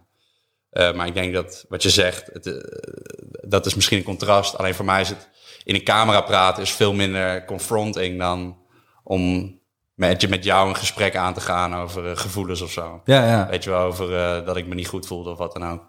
Um, nu niet, maar toen de tijd wel. Dus ja, was, dan is de camera makkelijk. En dan, heel veel mensen zien dat. Alleen uh, heel veel mensen vinden het eng bijvoorbeeld om voor een camera te staan. Of als ik met, met zijn vlog of zo van holy, holy shit, 200.000 mensen gaan het, ja, weet wel, die, die, gaan het kijken. Maar dat idee heb ik helemaal niet. Ik heb gewoon veel ik doe dit voor mezelf of zo, weet je Ja, precies, ja. Dus uh, ik heb, de, ik, ik heb die, uh, die angst. Het gaat niet verder dan dat, zeg maar. Dat ik denk, ja, ik weet niet. Dus ik denk dat het wel grappig is, maar op die manier... Ja, ja, maar interessante ontwikkeling, man. En wat je zegt van, ja, ik, ik kom zo bij jou gewoon over dit onderwerp, maar van als je het helemaal hebt meegemaakt, dan is het gewoon iets wat je met je draagt, maar denk ik waar je alleen maar heel veel uit kan halen. Dus een soort signaal natuurlijk ook van je lichaam en van je geest die zegt van, ja, misschien even wat dingen aanpassen. Ik heb een, uh, ik heb een boek gelezen, die heeft een vriend uh, van me, Willem en Luna, die hadden het uh, aangeraden. En dat boek heet, is van Brene Brown. Uh, Power of Vulnerability, denk ik. De kracht van kwetsbaarheid. Ja, ja. En uh, dat, zij heeft ook een TED-talk over kwetsbaarheid. Die is wel vet om uh, te checken voor de mensen thuis. Ja, ja. En dat heeft me een beetje geleerd ook om, om kwetsbaar op te stellen, weet je wel. En dan kun je het makkelijker over bepaalde dingen hebben. Ja, precies. Die je wegstopt. Ja, maar goede tip, man. Want ja, ik heb daar persoonlijk nooit überhaupt zoveel moeite mee nee. gehad. Um, dus wel in het begin met dit te uiten, maar überhaupt gevoelens uiten in general niet, niet heel erg of zo. Maar um, wat je, als je dat wel hebt, dan kan je op de duur dus tegen gaan werken. En dan, dan loop je dus vast en, en krijg je dit soort dingen. Maar ik ben blij voor je dat je er nu uh, uh, uit bent en weer positiviteit uh, eruit haalt. Uh, Roman, jij had het net al over uh, piek en dalen in business. Maar je hebt natuurlijk ook een persoonlijk leven. En over business, zei net, kan je niet uh, te veel vertellen. Maar wat zijn voor jou momenten, uh, los van dat je eerst te veel op je plan B zat en vervolgens eindelijk de stap hebt genomen en durven nemen om dus uh, voor plan A te gaan te gaan ondernemen. Maar kan je wel eens voor jezelf persoonlijk zo'n dal, of in ieder geval een moment dat het even wat minder ging omschrijven? Um, Bijvoorbeeld, je hebt, je hebt urenlang, uh, ik heb net gehoord, dagenlang op kantoor geslapen, uh, terwijl je wel die visie nastreeft van, hey, ik wil dit gaan doen, ik heb nu een goede partner gevonden, dus let's go for it. Maar ik kan me niet voorstellen dat je elke dag met de slingers op kantoor stond en dacht van, ja, helemaal top dit. Ja, nee, natuurlijk niet. Maar het is gewoon, um, ja, als ik Marijn over praten, zeg maar, ik denk uh, dat ik daar nog wel wat in te leren heb, zeg maar, qua... Um, Ik Hij was- is keihard. Ik ben- man is keihard. Ja. Nee, dan niet, maar het is wel... ehm, Jij zou ook een soort Gewoon- Navy SEAL kunnen zijn. Zo, zo stel ik me. Ja, nee, maar eh, gewoon, wel, gewoon wat mi- je hebt gewoon dat, ja. Gewoon wat minder daar. eh, Zo, Ja, ja, nee, maar, serieus. Ik zou, Ja. ik zou best wel goed doen in het leger, denk ik. Gewoon als, eh, als, als ik Ja. die functie zou hebben. Ja. Dat, dat weet ik bijna zeker wel. Maar dat is gewoon... eh, maar dat, dat wil ik absoluut niet. Maar dat is ja, bij mij gewoon... Ik stel targets. En ehm, ja, dat, die ga ik gewoon behalen, weet je wel. En dat is gewoon bij mij oogkleppen op en, gaan. En dan ben ik... ehm dan ga ik zo all in... dat het bijna geen mogelijkheid meer is... om te veel bezig te zijn met je gevoelens of zo. En dat is eigenlijk wat Marijn met zijn YouTube eh, journey heeft gehad. Dat heb ik eigenlijk met mijn business journey. Alleen denk ik wel wat hij... ehm, ik, ik ben nog niet of nog nooit... En ja, hopelijk sowieso nooit... maar tegen de lamp aangelopen of zo, weet je wel. Maar ik kan me wel voorstellen... uiteindelijk als het dan gebeurt... dan, ja, dan moet je er 100%... Het zal vast op een of andere manier gebeuren, maar dat is voor de een gewoon eh, minder. Tuurlijk, ja. je, hoeft, je hoeft geen. eh, ik bedoel, mijn ouders hebben ook nooit. eh, dus toen ik dat vertelde, eh, die moesten ook wel even uitzoeken wat het dan precies was. wa- Wat Ja, ik natuurlijk, ja. Want ik zei ineens van eh, dat ik me zo slecht voelde en zo. Maar, maar waarom dan? En eh, ik, ik ging naar Dubai. Ik, ik ging een, een weekje zonder telefoon ging ik weg. Ja. Ik dacht, ik ga gewoon even die alleen tijd nemen. En dus toen ik dat allemaal uitgelegd heb, snapte ze... eh, De, wereld is ook gewoon weer heel anders dan vroeger bijvoorbeeld. Maar ik heb het idee dat zij altijd best wel steady hebben geleefd. En eh, dat ik ga wat meer up en down, zeg maar. Ja. Maar dat heeft ook wel met factoren te maken als dat eh, mijn life gewoon heel drastisch veranderd is. En dat er ineens... Ik begon ineens eh, bijvoorbeeld veel geld te verdienen en de wereld over te reizen. En met heel veel fe feesten heeft ook niet veel geholpen, zeg maar. Ja, ja, Op een gegeven moment feest ik te veel, zeg maar. En dan doe je ook nog de business. Dus je bent eigenlijk altijd maar, maar bezig, weet je. Je rust eigenlijk niet. Want als je, als je rust hebt, dan ga je feesten. Dus Ja, dan is het natuurlijk, van, ja, ja. Heb je dan echt een day off of ben je dan eigenlijk altijd, Ja. ben je altijd gaande? Ja. Eh, dus eh, ik denk dat jij dat veel minder hebt gehad. Eh, veel meer stabiel wel. eh, Ja, Structuur, ja, ja. structuur in je leven. En ik heb die structuur gewoon eigenlijk jarenlang niet gehad. Ja. Ja. En het is ook inderdaad, ehm je hebt veel meer invloeden. En veel, veel meer mensen die iets van jou willen. Dat ook. En ik, ehm, ja, ik, ik, kan me veel, ik heb veel meer structuur om op, mijn doel te focussen, inderdaad. Maar bij Marijn is het gewoon van, ja, hij heeft, hij heeft van mij een doel, maar ze hebben nog heel veel andere mensen die dan ook jou ja, iets benaderen Mhm. of zo, je weet Ja. wel. Maar dan, ehm je hebt gewoon heel veel afleiding, zeg maar. Dat heb ik niet. En ik denk misschien dat dat me dan toch weer de ruimte en eh, rust geeft om het dan toch allemaal eh, in check te houden. Ik denk dat jij misschien wat, daardoor wat meer momenten hebt om even net zoals na een rustdag van het trainen, om even schakelen, mentaal ja. in haar terug Ja, te schakelen. En, Precies. En, eh, Ja. ja. en ik hou privéwerk ook wel vrij goed gescheiden, zeg maar. Ik denk dat dat ook wel key is. Het is altijd zo cliché, zoveel mensen zeggen dat. Maar toch, ja, toch is het wel zo. Je moet, ook, je moet toch wel ook een enigszins, eh, ja, enigszins een goede grens privé-werk hebben. Ja. En anders ga je constant maar door. En dat is het ook eigenlijk. En vooral in deze tijd. Je gaat ook constant maar door. En je bent de hele tijd op dezelfde plek vaak. Want iedereen werkt Ja, thuis. ja. Dus dan is dat nog moeilijker te scheiden. Denk ik. Nou, Ja, wat, wat ja. ook kan is van, ik hoor jou zeggen van, eh Marijn, jij hebt natuurlijk ook heel veel creatieve ideeën over van wel, hoe wil ik mijn vlogs maken en dergelijke. Eh, jij bent volgens mij iets meer de business kant, de wat hardere feiten. Inderdaad, wat je zegt, ik stel doelen, ik ga er achteraan. Dat wil niet zeggen dat je niet creatief bent. Maar ik merk zelf heel erg dat mijn hoofd, eh, toevallig hadden eh, de cameraman en ik het er in de auto over. Mijn hoofd blijft soms maar ideeën spouwen, zeg maar. Weet je wel, dan zit ik op de bank een serie te kijken, maar nog steeds krijg ik ideeën. En in mijn hoofd ben ik dan het idee aan het verkennen of zo. En om dat uit te kunnen zetten, die knop. En misschien heb jij die dus meer of sneller gevonden of zo. En ik weet niet of jij dat ook herkent, maar die is soms heel lastig te vinden. Want dan kan je wel in, op het oog aan het rusten zijn, maar in je hoofd gaat het nog steeds gewoon Ja, alle kanten op. Dus en dat, dingen gaan doen als mediteren en zo. nou, zeg, ik, ik mediteer elke ochtend, ja, zeker. Ja, ik ben begonnen. Ik, ik ben, heb, was, was een tijdje met mezelf bezig, zeg maar. Ik ben nu begonnen met. eh, dus ik heb nu best wel gestructureerd leven ook. Eh, mijn vriendinnen zie je komen intrekken ook. Dus eh, het is Ja. gewoon. Het is, en eerst, eerst vloog ik echt om de week of zo, of elke week soms, naar verschillende landen en met verschillende mensen. En totaal geen structuur, weet je wel. Chaotisch, verschillende ja. plekken. Dus nu wel, en met corona zit je natuurlijk gewoon hier. En dan, maar voor mij is het, geeft het echt een, een rust met zich mee, zeg maar. En ik merk dat ik alsnog, ik heb elke dag altijd, ik heb altijd genoeg te doen, dus dat is het probleem. Ja, ja. Ehm, maar nu kan ik gewoon meer st- structureel mijn dag inplannen. Dus ik sta wel gewoon vroeg op. Ik, geen wekker, maar ik sta, tussen vijf en zes word ik wakker. Oké, ja. dus eh, ja, dat is, dat is nu zo. Eh, soms wat later als ik het dan nodig heb. En ehm, ik ga dan eerst ademhalingsoefeningen. Ik heb de Wim Hof, eh, dat boek van Ja, Wim Hof precies, gelezen, ja, ja. Koud Kunstje. Dus ik doe ademhalingsoefeningen en dan neem ik een koude douche. En die ademhalingsoefeningen zijn een soort meditatie voor mij. Want dan moet je echt rustig gaan. Dan doe je ogen dicht. En dan doe je dat en dan ben je vijf minuten bezig. En dan ben je echt in het moment daarmee bezig, zeg maar. Zijn dit die ademhalingsoefeningen waarin je 30 keer heel snel in en uit ademt? Ja, precies, ja. Ja. En eh, dus zulke, ik heb ook medit- meditatie geprobeerd, alleen dat heb ik gewoon, is me nooit gelukt om vol te houden of zo. Dat is, Ja, maar dat heeft er natuurlijk ook weer mee te maken dat je al die, dat je het moeilijk vindt om. ja ik, ik denk, ik, ik doe het beide hoor. Want ik, eh, Wim Hof eh, inderdaad ook een aantal keer gedaan. En ik douche ook elke ochtend koud. En wat jij zegt, als je van tevoren Ja. die ademhalingsoefening doet... dan wordt het een soort synchroniteit die ontstaat... waardoor het eh, alleen maar meer een beter effect heeft. Ik vind dat nog steeds iets fysieker... omdat je echt heel heftig aan het ademen Ja. bent... en vervolgens natuurlijk koude douche op je lichaam. Mediteren is natuurlijk inderdaad... Ja, de, nog meer de rust in je hoofd Ja. of zou vinden. Dus. Ja, Maar misschien is dat ook nog een stap te vroeg... of hoeft het überhaupt niet. Het gaat erom wat voor jou werkt natuurlijk. Dat, ja eh, dus nee, maar ik heb verschillende dingen geprobeerd. Dus voor nu werkt dit even. Ja. Maar dit is inderdaad nog, het is geen complete meditatie. Maar het is wel, eh, hey, ik pak geen mobiel in de ochtend. Ik doe die dingen eerst, dan ga ik een beetje lezen. Dus dat is voor mij meer de tot rust komen gedeelte. Precies, ja. En dat werkt wel. Wat zie jij bij mensen? Want jij kent natuurlijk wat je zegt, je hebt eh, veel gereisd. Kent ook veel eh, mensen met een groot sociaal bereik. Dus je zit helemaal in dat wereldje. Ehm, op het oog lijkt het natuurlijk allemaal fantastisch. Wat je zegt, in die vlogs eh, is het voornamelijk natuurlijk... zijn het eh, vette beelden op social media Ja. ook.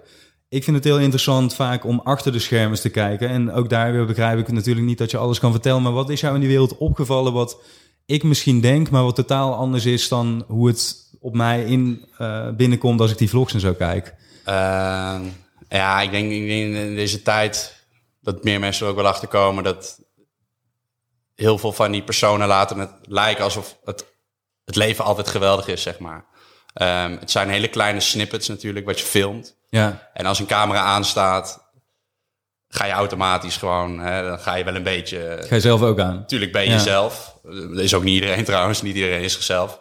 Ehm, ik, ik, wil, ik, ik ben wel gewoon dezelfde persoon op een video als in het echt. Alleen op de video ben ik wel net iets meer enthousiast. Maar dat is logisch, want anders dan... Tenminste, je kan ook een persoon zijn die wat droger is... dus dat jouw stijl van video is. Ja, ja. Maar over het algemeen ehm, vind ik dat leuk om zo video's te maken. Dat vind ik leuk, zeg maar. Ik ben niet overdreven enthousiast of zo, maar wel gewoon... Je, jij Energiek.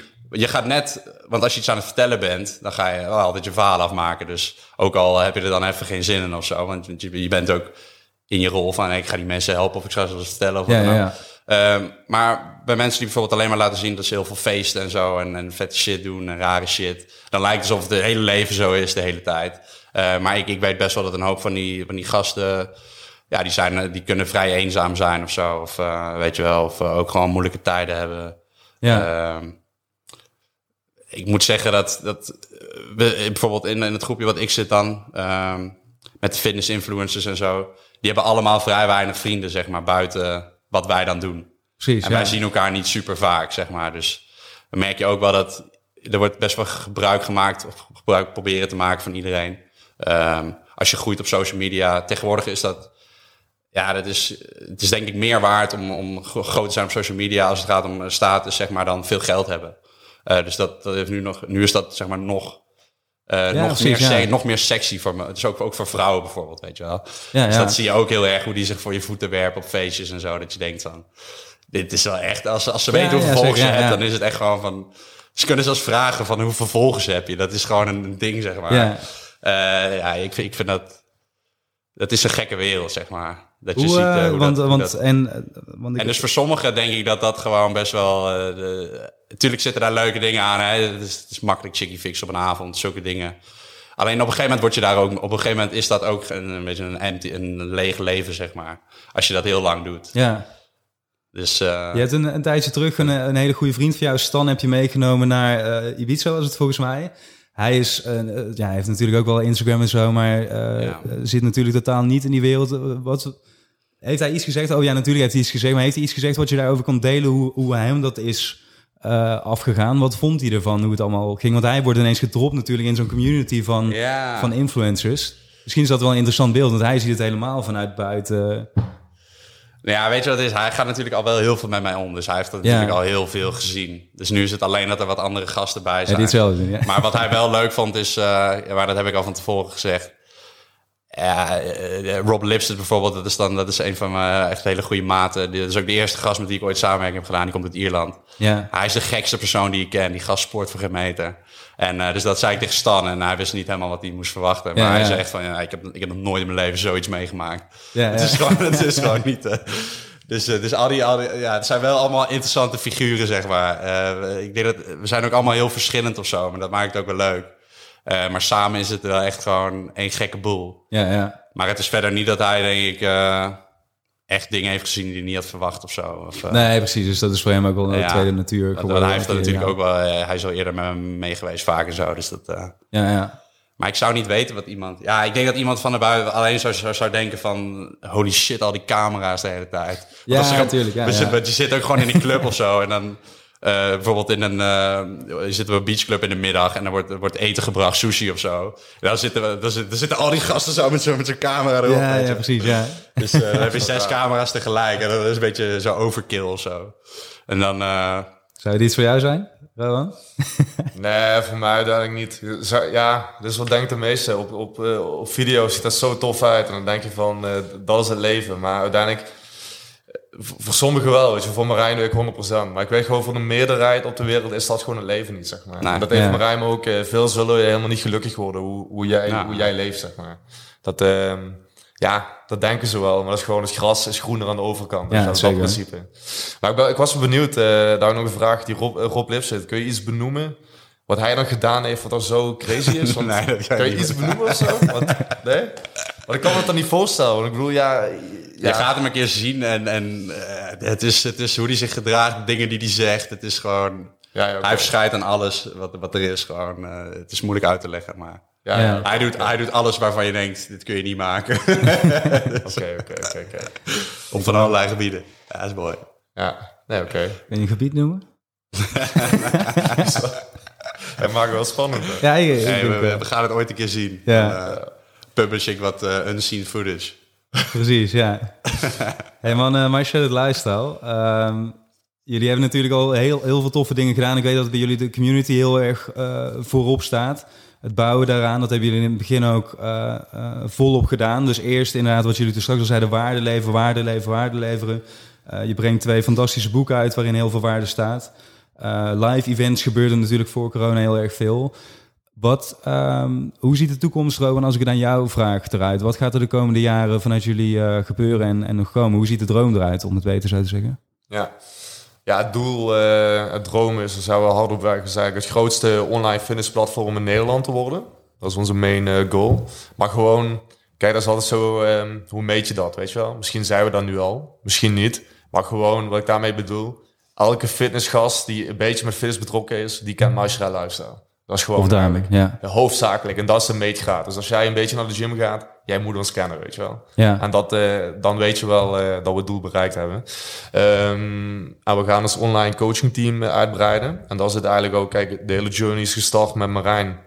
Uh, Marijn is de front-end, ik de back-end. Maar uiteindelijk, je bent wel een bedrijf. En nu zijn we meer qua strategisch bezig. Hoe gaan we eigenlijk meerdere Marijns aan het bedrijf koppelen, zeg maar. Dat is eigenlijk de, de, de, nieuwe, de nieuwe stap. En dan kunnen we ook verschillende doelgroepen aanspreken. Bijvoorbeeld de andere kleinere communities. Ja. Eén uh, coach is bijvoorbeeld gespecialiseerd in, uh, Vegan. veganisme bijvoorbeeld. Of ja, keto precies, dieet ja, ja. of wat dan ook. En dan, en dan kun je al die groepen aanspreken met een gespecialiseerde coach. In plaats van dat, dat, dat, dat we iedereen zo gaan helpen en een beetje van alles afweten, wil je eigenlijk mensen hebben die ergens heel goed in zijn. Ja. En dat je zo'n team creëert en ook echt de community van wij zijn er voor iedereen die een betere levensstijl wil, die in shape wil komen, uh, die zich beter wil voelen, die gezond wil zijn. En wij hebben gespecialiseerde coaches die jullie uh, dan kunnen helpen. Ja, precies. Dus, uh, en inderdaad, ja, coaching is nu gewoon het belangrijkste. Daarmee gaan we uitbreiden, maar uiteindelijk ook gewoon producten, weet je wel. En dan weet ik niet zeggen alle producten, maar eigenlijk de main producten die je nodig hebt ja. in de sportschool, of gewoon eromheen, die kun je wel bij ons vinden. En dus wij gewoon, wij zijn de one-stop shop, zeg maar, voor alles omtrent fitness. Dat je eigenlijk alles bij ons kan, dat je van informatie tot de producten, tot alles ja. wat je maar nodig hebt. Om je, je weet niks van, van fitness of zo, of je wil het weten. Dat je bij ons komt en alles wordt je duidelijk. Precies, dat ja. Is het, uh, dat, is het, dat is de visie waar we heen willen. Ja. En wereldwijd kunnen we natuurlijk ook nog een hele hoop dingen. Dus we zijn nu wel echt bezig met de Nederlandse markt, wat betreft het bedrijf dan. Um, daarnaast lopen de Engelse dingen altijd nog met e-books en zulke, zulke dingen. En het is, wel, het is wel mijn droom om dingen wereldwijd te doen. Uh, Precies, heel ja. erg nog. Um, maar dat doe ik, in feite doe ik dat al. Alleen op commercieel gebied doen we dat dan niet. Maar dat doe ik wel met mijn video's. En uh, met mijn samenwerking, dat is allemaal in het buitenland. Um, en ik kan de hele wereld over reizen en geld verdienen. Dat was voor mij eigenlijk ja, precies. Um, ja, dus dat, dat is wel iets wat ik wil blijven doen. Of we dat, hoe we dat commercieel of we verder dan Nederland dat, tegen die tijd uitbreiden. Maar voor nu is Nederland wel echt uh, ja. de goal. Maar ja, goed. Uh, ja, hebben we het vaker over gehad, weet je wel. Maar ook als je Nederland de grootste bent, ja, dan kun je uiteindelijk ook veel makkelijker uitbreiden naar Precies. andere dingen. Dus, dus ja, als ja. eerst stap 1 uh, bereikt is, dan kun je door naar stap 2, zeg maar. Nou ja, en jullie hebben natuurlijk een goede manier om juist het buitenland te bereiken via jouw uh, netwerk wat je al hebt opgebouwd. Dus ja, dat, uh... ja, die pakken we zeker mee, weet je. We doen sowieso wel uh, buitenlandse sales 100%. Maar de focus is gewoon op Nederland. En daar is ook gewoon... Het heeft ook veel, qua coaching sowieso niet, maar qua product heeft ook veel met distributie te maken, weet je wel. is gewoon... Ja. ja, dus dat is wat dat betreft een stuk lastiger. Ja, voor mij is het meer gewoon het persoonlijke ding dat ik het leuk vind om ik vind gewoon reizen ook heel leuk. En ik vind het heel leuk om mensen in verschillende landen te ontmoeten. Of ik heb ook wel eens een fan heb ik uitgevlogen vanuit Spanje hier naar Nederland, omdat hij wat gewonnen ja, had. Ja, precies. Ja. Die heeft toen een weekendje bij mij, zijn we nog naar uh, AMF geweest of zo. Ja, heel naar vet, ja, ja. Naar de kloten. Ja, dat, dat, is toch mooi dat je zoiets uh, kan doen. Ja. En dat vond, vond hij dan ook uh, wel echt vet. En dan is het toch, toch leuk om andere, met andere culturen en zo is gewoon... Ja, natuurlijk man. Ja. ja, dus dat is... Uh... En dat is ook wel een kracht natuurlijk. Omdat je zegt van enerzijds is het natuurlijk goed om ergens te beginnen. Maar anderzijds om ook andere culturen ja. en andere mensen te bereiken... is weer net een andere ja. twist en een andere tone of voice ja. misschien. Dus het is goed dat jullie daar beide al een soort uh, vinger in de pap hebben. Ja, 100%. En Marijn, voor jou, hoe, hoe ziet uh, jouw droomleven eruit over een jaar of tien? Want je bent nu inderdaad zowel voor jezelf nog aan het vloggen. Mhm. Mm -hmm. ik zie dat wel als twee losse dingen die ook heel veel elkaar stimuleren natuurlijk...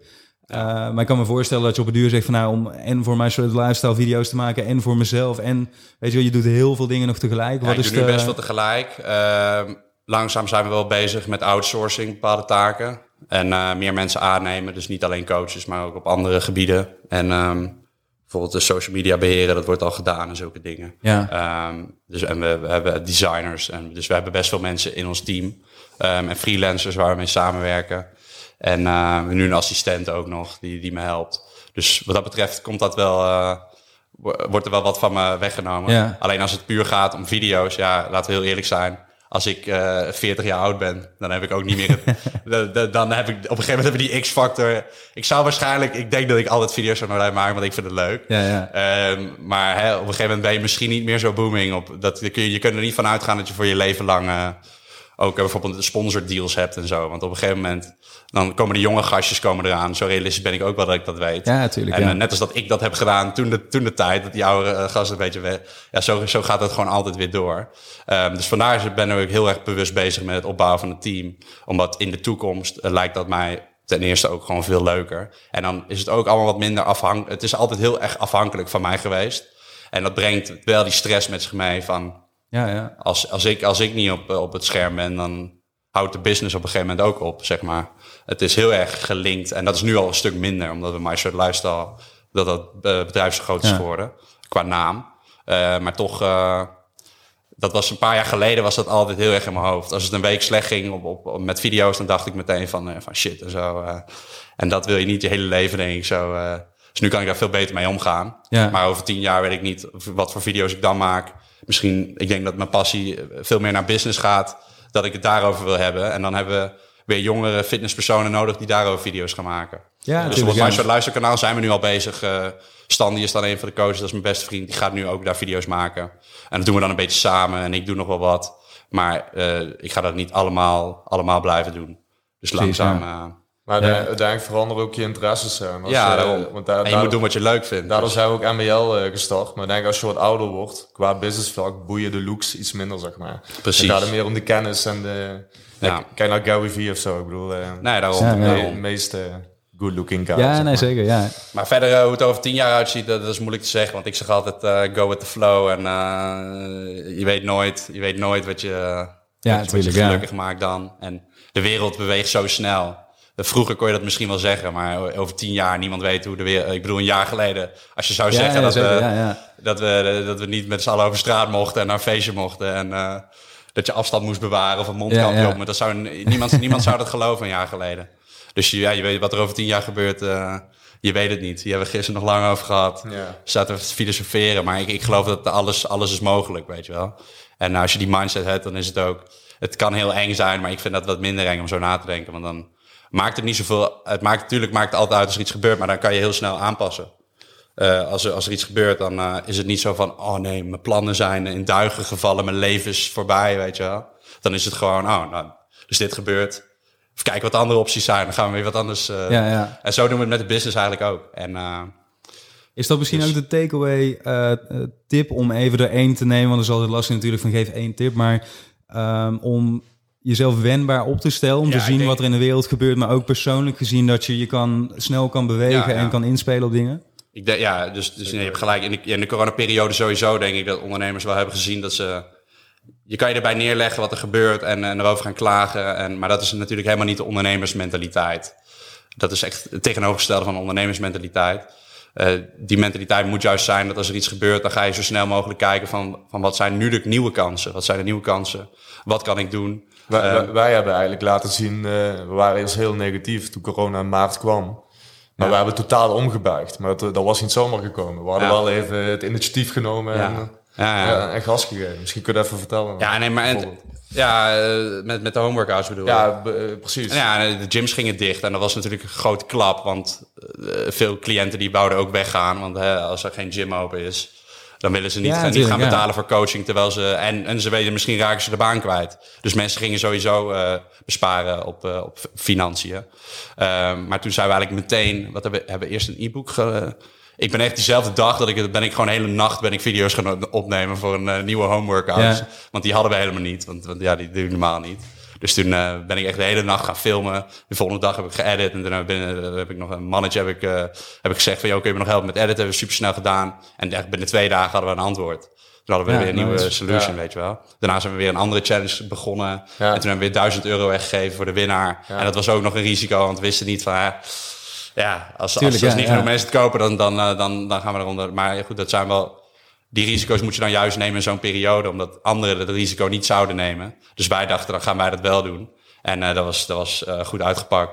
Ja. We hebben zelfs de beste jaren ooit gehad eh, dit jaar. Zo, ja. Terwijl het eigenlijk in deze tijd natuurlijk wel ja, niet vanzelfsprekend is. En we zijn daarbij heel we, we zijn ook lucky wat dat betreft. Want we zitten in, in, in, we zitten in een online markt. Ja, natuurlijk. Ja, Dus ja. ik, ik, ik, kan, ik kan niet zeggen dat, we dat, dat dat allemaal door het harde werken komt. Tuurlijk, eh, dat heeft er heel veel mee te maken. Maar als wij in een andere business zaten, sommige business, die, eh, die moeten de deur sluiten. Ja, dat is, eh, dan is het net iets anders. Maar ik denk dat je alsnog op zoek moet gewoon naar de, naar de kansen. hè. En moet zorgen, ja, je zult altijd tegenslagen krijgen. Dat is, dat is, dat is je eigen bedrijf hebben. Dat hoort erbij. Precies, ja. Ik, dat is ook het mooie aan het pad bewandelen, zeg maar. En dan moet je weer twee keer zo hard terugkomen. Wijze woorden om, eh, om mij af te sluiten, denk ik. Ja, Man, ik wil jullie eh, bedanken voor alle wijsheid, voor alle tijd. Ja, Eh, en man. voor de eerlijkheid en de openheid. Dat wil ik er ook bij zeggen. Ik waardeer dat wel als jullie eh, je meteen willen openstellen. We kennen elkaar nog maar een kwartier, denk ik, voordat dit eh, gesprek begon. ja, Dus, eh, dus dank daarvoor. Thanks. ja. Je bent een goede gast. Go- chill mee te praten, zeg maar. Dus dan is het eh, makkelijk om eh, open te stellen, denk ik. Ja, zeker weten. Gewoon. Ja, mooi om te horen. Eh, dat doet me goed, want dat is eh, waar deze podcast over gaat. Dat is je openstellen, eh, echte waarde en echte informatie eh, delen met elkaar. En ja, voor de luisteraar en kijkers natuurlijk, die daar hun waarde weer uit kunnen halen. Dus, dus thanks voor het compliment, waardeer ik. Yes, thanks dat je er was en luister naar deze aflevering met Marijn en Rowan. Een gouden duo dat ontzettend veel weet over de wereld van fitness en online business. In de volgende aflevering praat ik met filmmaker en regisseur Safi Grauw. Hij werkt voor brands als Daily Paper, Foodlocker en het Van Gogh Museum. Hij heeft prachtige documentaires in Afrika gemaakt en werd door het FD uitgeroepen tot meest veelbelovend talent van 2020. We spreken onder andere over zijn Afrikaanse en Surinaamse roots, opgroeiende Belmer en zijn studietocht aan het VMBO naar de universiteit. En wil je nou eens eerst op de hoogte zijn van deze aflevering, dan kan je abonneren op deze podcast via het platform waarop jij het liefste luistert. En ik zou het heel erg fijn vinden als je mij wilt laten weten wat je van deze podcast vindt. Wat je kan doen door een reactie achter te laten op socials, at podcast, en door een beoordeling te schrijven in Apple Podcasts. Dus laat van je horen en tot de volgende aflevering.